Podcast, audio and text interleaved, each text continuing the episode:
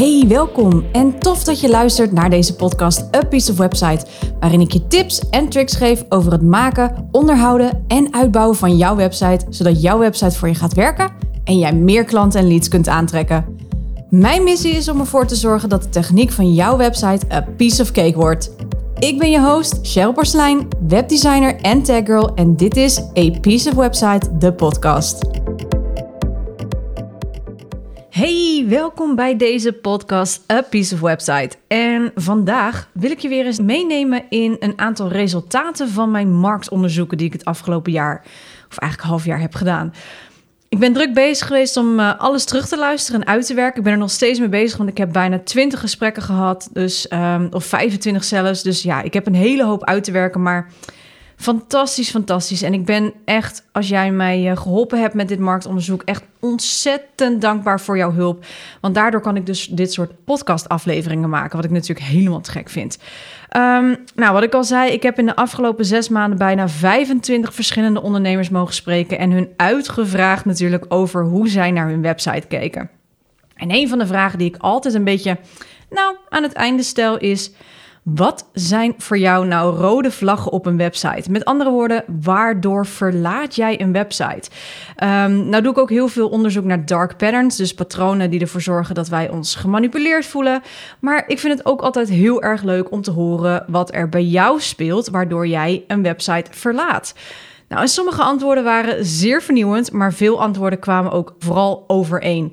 En ergens verbaast dat mij niet, soms ook toch weer wel.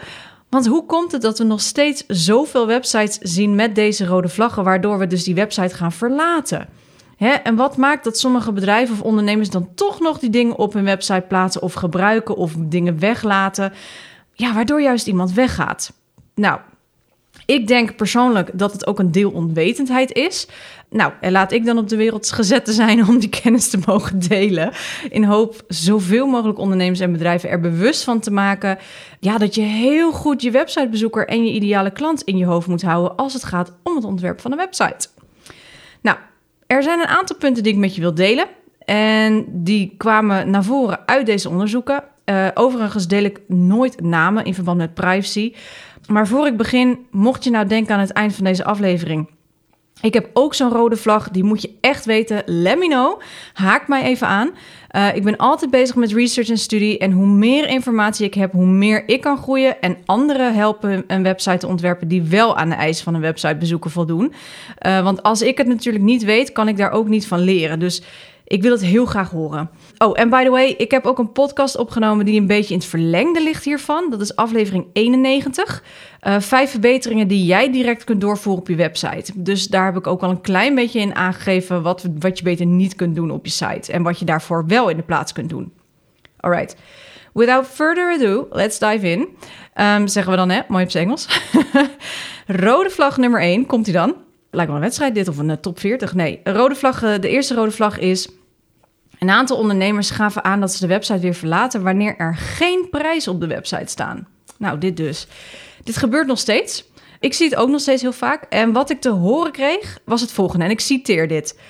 Dus ze zei: Wanneer ik geen prijzen op deze website zie, dan voelt het voor mij geheimzinnig. Alsof je niet mag weten wat het gaat kosten, dan haak ik af. Ik wil gewoon vooraf kunnen weten wat je kost, zodat ik rekening kan houden met mijn budget. Uh, eerlijk gezegd, ik vond het ontzettend interessant om te horen. Ik hoor het ook nog steeds echt wel heel vaak. En eigenlijk, wat ik altijd zeg als ik dan een metafoor er even bij pak, is dat je het een soort van kan vergelijken met een merkkledingwinkel. Hoe leger de etalage, hoe duurder de winkel. Moet je maar eens opletten als je in Londen loopt of zo. Als je vergelijkt met zo'n uh, toeristenwinkeltje in vergelijking met bijvoorbeeld een uh, Banana Republic of een, of een, of een Harrods. Oh, dan moet je maar eens kijken voor de grap. Maar ook, wat ook heel grappig is, is hoe duurder de winkel, hoe minder prijskaartjes er aan de kleding hangen. Moet je ook maar eens op letten. Het is heel grappig. Als je nu door Amsterdam Kanaalstraat loopt of zo, of door de, weet ik veel wat voor straat, moet je maar eens op letten. Want daar zitten natuurlijk ook een paar hele dure winkels. Maar nu zal je het ook nooit meer niet zien. dus voor mensen die op je website komen, kan die prijs dus heel belangrijk zijn. Sluit je daarmee mensen uit? Ja, maar in a good way, I guess. Nou ja, dat vind ik. Want de mensen waarbij jij namelijk niet binnen het budget valt, zullen sowieso niet bij jou aankloppen. Zij zullen dat budget op dit moment ook niet hebben, ook niet als je ze het vertelt. Dus waarom zou je je tijd zeg maar verdoen met allerlei gratis gesprekken om te kijken of er een match is, terwijl je van tevoren die segmentatie al niet kan maken. En daarbij ook van mij een vraag: waarom zet je je prijzen niet op je website? En het is niet fout, hè? Want iedereen heeft daar zijn eigen ideeën over. Dus dat is helemaal prima. Maar ik kreeg die opmerking dus ook tijdens het onderzoek dat sommige ondernemers kiezen om een offerte aan te vragen. Of uh, heel veel ondernemers die uh, zeggen van nou, neem contact met mij op of voor een vrijblijvend informatiegesprek. Heel veel ondernemers vinden dit eng. Je moet je voorstellen, heel veel van jouw ideale klanten misschien of heel veel van je websitebezoekers of jouw doelgroep mensen vinden dat spannend. En dat klinkt misschien heel gek, maar contact opnemen zonder dat we vooraf weten wat ons te wachten staat. Hè? Dus dat is eigenlijk is dat een dark pattern. En daar ga ik het zeker nog wel een keer uitgebreider over hebben. Maar daar verhoog je de drempel mee om contact met je op te nemen. En voor de ene werkt het prima en voor de andere werkt het winnen. Maar het is wel heel goed om na te kijken van wat wil jouw doelgroep? Wel of geen prijzen. Dus dat kan een hele grote drempel zijn als jij een bepaalde doelgroep hebt die, die daar niet overheen durven te stappen, zeg maar. Dus vandaar dat je dat goed moet uittesten. En wat je ook kan doen, is zet er desnoods een vanafprijs op. Hè. Uiteraard is dit een keuze die jij voor jezelf alleen kan afwegen. Hè, dat je zelf wel of niet prijs op je website uh, zet. Je bent hier helemaal vrij in. Nogmaals, is geen goed of fout, maar weet dus dat best wel veel mensen afhaken. En je kan het ook gewoon eens uittesten. Hè? Als je denkt van nou, ik zet uh, voor de komende drie maanden, want meestal meet je je website drie maanden lang voordat je aanpassingen gaat doen, soms zelfs een half jaar lang, voordat je dingen dus uh, weet qua meten en kun je daar dingen op aanpassen. Dus test het gewoon eens uit. Zet voor de grap eens gewoon een keer een half jaar lang je prijzen op je website. Je hebt niets te verliezen, denk ik dan. Weet je, als ze dan juist komen dat je prijzen wel op je website staan, heb je alleen maar te winnen, denk ik dan. Nee, heb je, ja, kun je krijgen. Dus het is wel eentje die ik dus heel vaak nog terug hoor. Dus nou ja, daar mag je over nadenken. Oké. Rode vlag nummer twee. Lange teksten. ik moest hier echt heel hard om lachen, je hoort het al. Want ik zie het ook nog echt heel veel bij mijn klanten gebeuren. Lappen en lappen tekst. Salespages waar je gewoon RSI krijgt van het scrollen. Op de computer van je muiswieltje naar beneden scrollen, maar laat staan op je mobiel om met je duimen constant naar beneden te scrollen. Nou, even alle gekheid op een stokje. Maar inderdaad, lange lappen tekst. We hebben daar gewoonweg het geduld niet meer voor. Heel vervelend. We zijn in een heel, heel snelle maatschappij. Ja, en daarbij ook ja, de vraag: waarom laat je je bezoeker zo lang hangen? Is het daadwerkelijk nodig om zoveel tekst op je website te plaatsen om to the point te komen? Want eigenlijk, als je er goed over nadenkt, heb jij gewoon die mega belangrijke oplossing te bieden. En als jij mensen laat hangen om die oplossing te zoeken op je salespage, ja, ik persoonlijk ben daar niet zo van. En blijkbaar dus ook komt er uit mijn onderzoek ook dat mensen daar niet zo op zitten te wachten. En een hele mooie quote die hierbij past, die is van Tineke Zwart. Die zei, of daar heb ik een kaartje van hangen hier op mijn whiteboard, daar kijk ik op dit moment naartoe. En daar staat op: Vandaag liggen er weer mensen bloedend op straat. Nou, en wat doe jij als je natuurlijk iemand bloedend op straat ziet liggen? Hoop ik dat je meteen actie gaat ondernemen. Je gaat niet eerst googlen uh, om te kijken of het werkt, want daar heb je helemaal geen tijd voor. Je staat strak van de adrenaline. Uh, ga je geen handleiding opzoeken op YouTube hoe je het bloeden moet stelpen. Mag ik hopen dat je dat niet doet? Um, maar als het goed is, spring jij direct in actie, bel je het alarmnummer en daar krijg je directe acties te horen als jij niet je EHBO hebt en ook wel, maar wat jij precies op dat moment moet doen om die persoon daar op dat moment binnen no time te helpen. Nou, en dat kun je dus ook online doen. Hè? Want waarom doen we dat dan niet online? Het is hier ook dat stukje van laat je websitebezoeker niet te lang hangen. Is ook een stukje dark pattern waar ik het al een keer over heb gehad, maar waar ik zeker nog een keer op terugkom. Is laat mensen niet zoeken naar informatie. Zorg dat je die informatie gewoon, hup, straight to the point, goed op die salespage zet. En weet je, hier ben je ook vrij in, hè? Uh, eigen keuze. Ik geef merely een advice. Uh, maar dit is wel wat ik dus terugkrijg uit die onderzoeken. En ik vind dat best wel eens interessant. Ja, om eens te kijken van, nou ja, is dat nog zo bij jou ook? Hè? Kun je dat eens uitzoeken bij jezelf? Denk je dat je sneller misschien to the point kan komen? Kun je misschien wat dingen schrappen? Of als je juist wel in detail wilt treden, kan het dan ook op een andere manier. Denk aan bijvoorbeeld dat je een soort uitschuifmogelijkheid kunt gebruiken. Weet je, dit zijn uh, onderdelen waar je tekst mee kunt inkorten. En zodra iemand zeg maar op lees meer klikt of op een ander deel klikt of een knop, dat dan een grotere tekst vanzelf tevoorschijn komt. Of je kunt eventueel nog iemand naar een andere pagina sturen. Dat laatste zou ik overigens niet aanraden op een sales page. Maar bijvoorbeeld wel op de homepage met, het kleine stukje over mij. Dan ga je niet je hele lab tekst over mij op je homepage zetten. Dan zet je daar een knop bij met wil je meer over mij lezen? Lees dan mijn hele verhaal op mijn over mij pagina. Zo kun je in ieder geval voor de mensen die wel de details willen lezen, ze alsnog tegemoet komen. dus er zijn altijd oplossingen en zo sluit je ook niemand uit. Dus je hebt de mensen die sneller to the point zijn, heb je de kortere teksten, de kortere salespage. Zijn er mensen die wel graag in detail willen treden, heb je die oplossing ook voor ze. En kun je dus uh, met die uitschuifmogelijkheden werken. Nou, rode vlag nummer drie. Design weegt heel zwaar. Dat is een heel interessante, want deze zag ik ook in de trends voorbij komen. Ik heb een podcastaflevering opgenomen over trends ook en daar komt design echt in terug. Design speelt een enorme grote rol en dat blijkt dus ook weer uit mijn marktonderzoeken. Geeft ook weer aan hoe belangrijk dus een eerste indruk is. Het oog wil dus ook wat.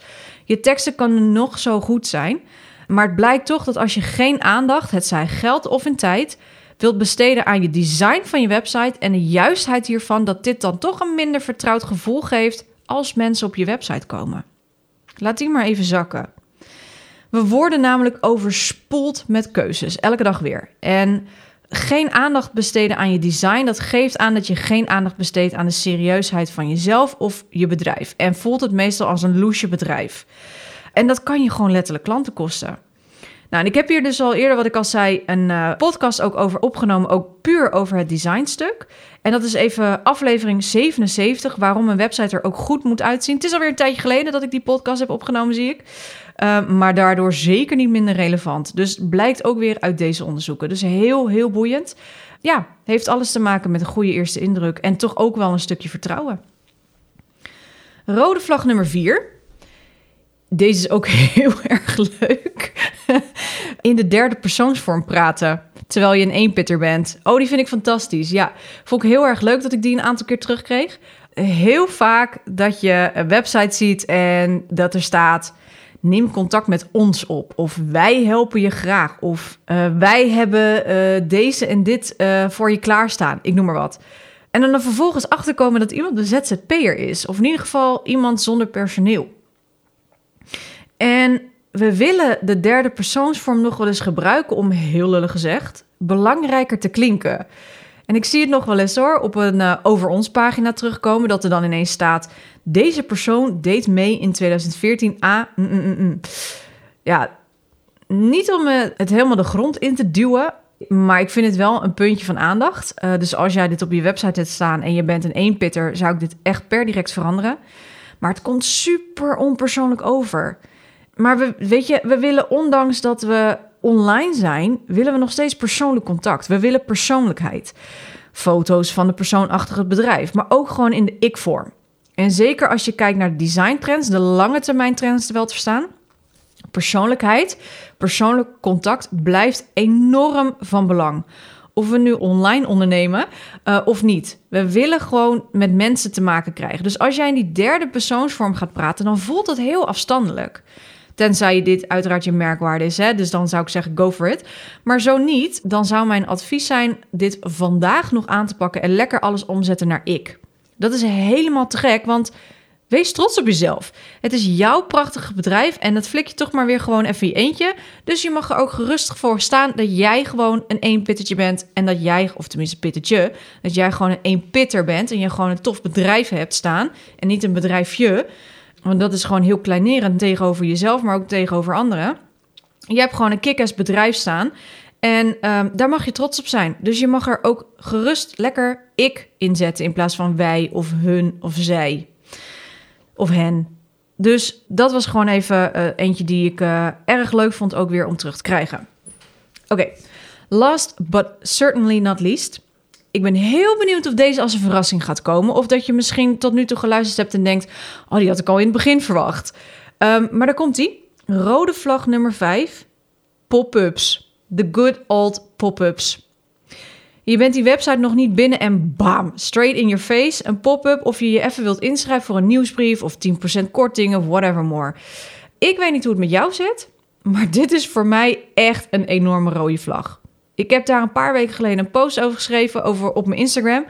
En um, daar moest ik er best wel om lachen. Heb ik ook heel veel reacties op gehad. Maar ik wil hem dus even aan je voorlezen. Dus het gaat over hoe wij anno 2022 een website openen. Komt ie, hè? Ik heb een stappenplan voor je geschreven over hoe je een website tegenwoordig bezoekt. Stap 1. Ga naar de website. Stap 2. Bekijk hoe je de cookies kunt uitschakelen behalve die essentiële cookies. Stap 2.1.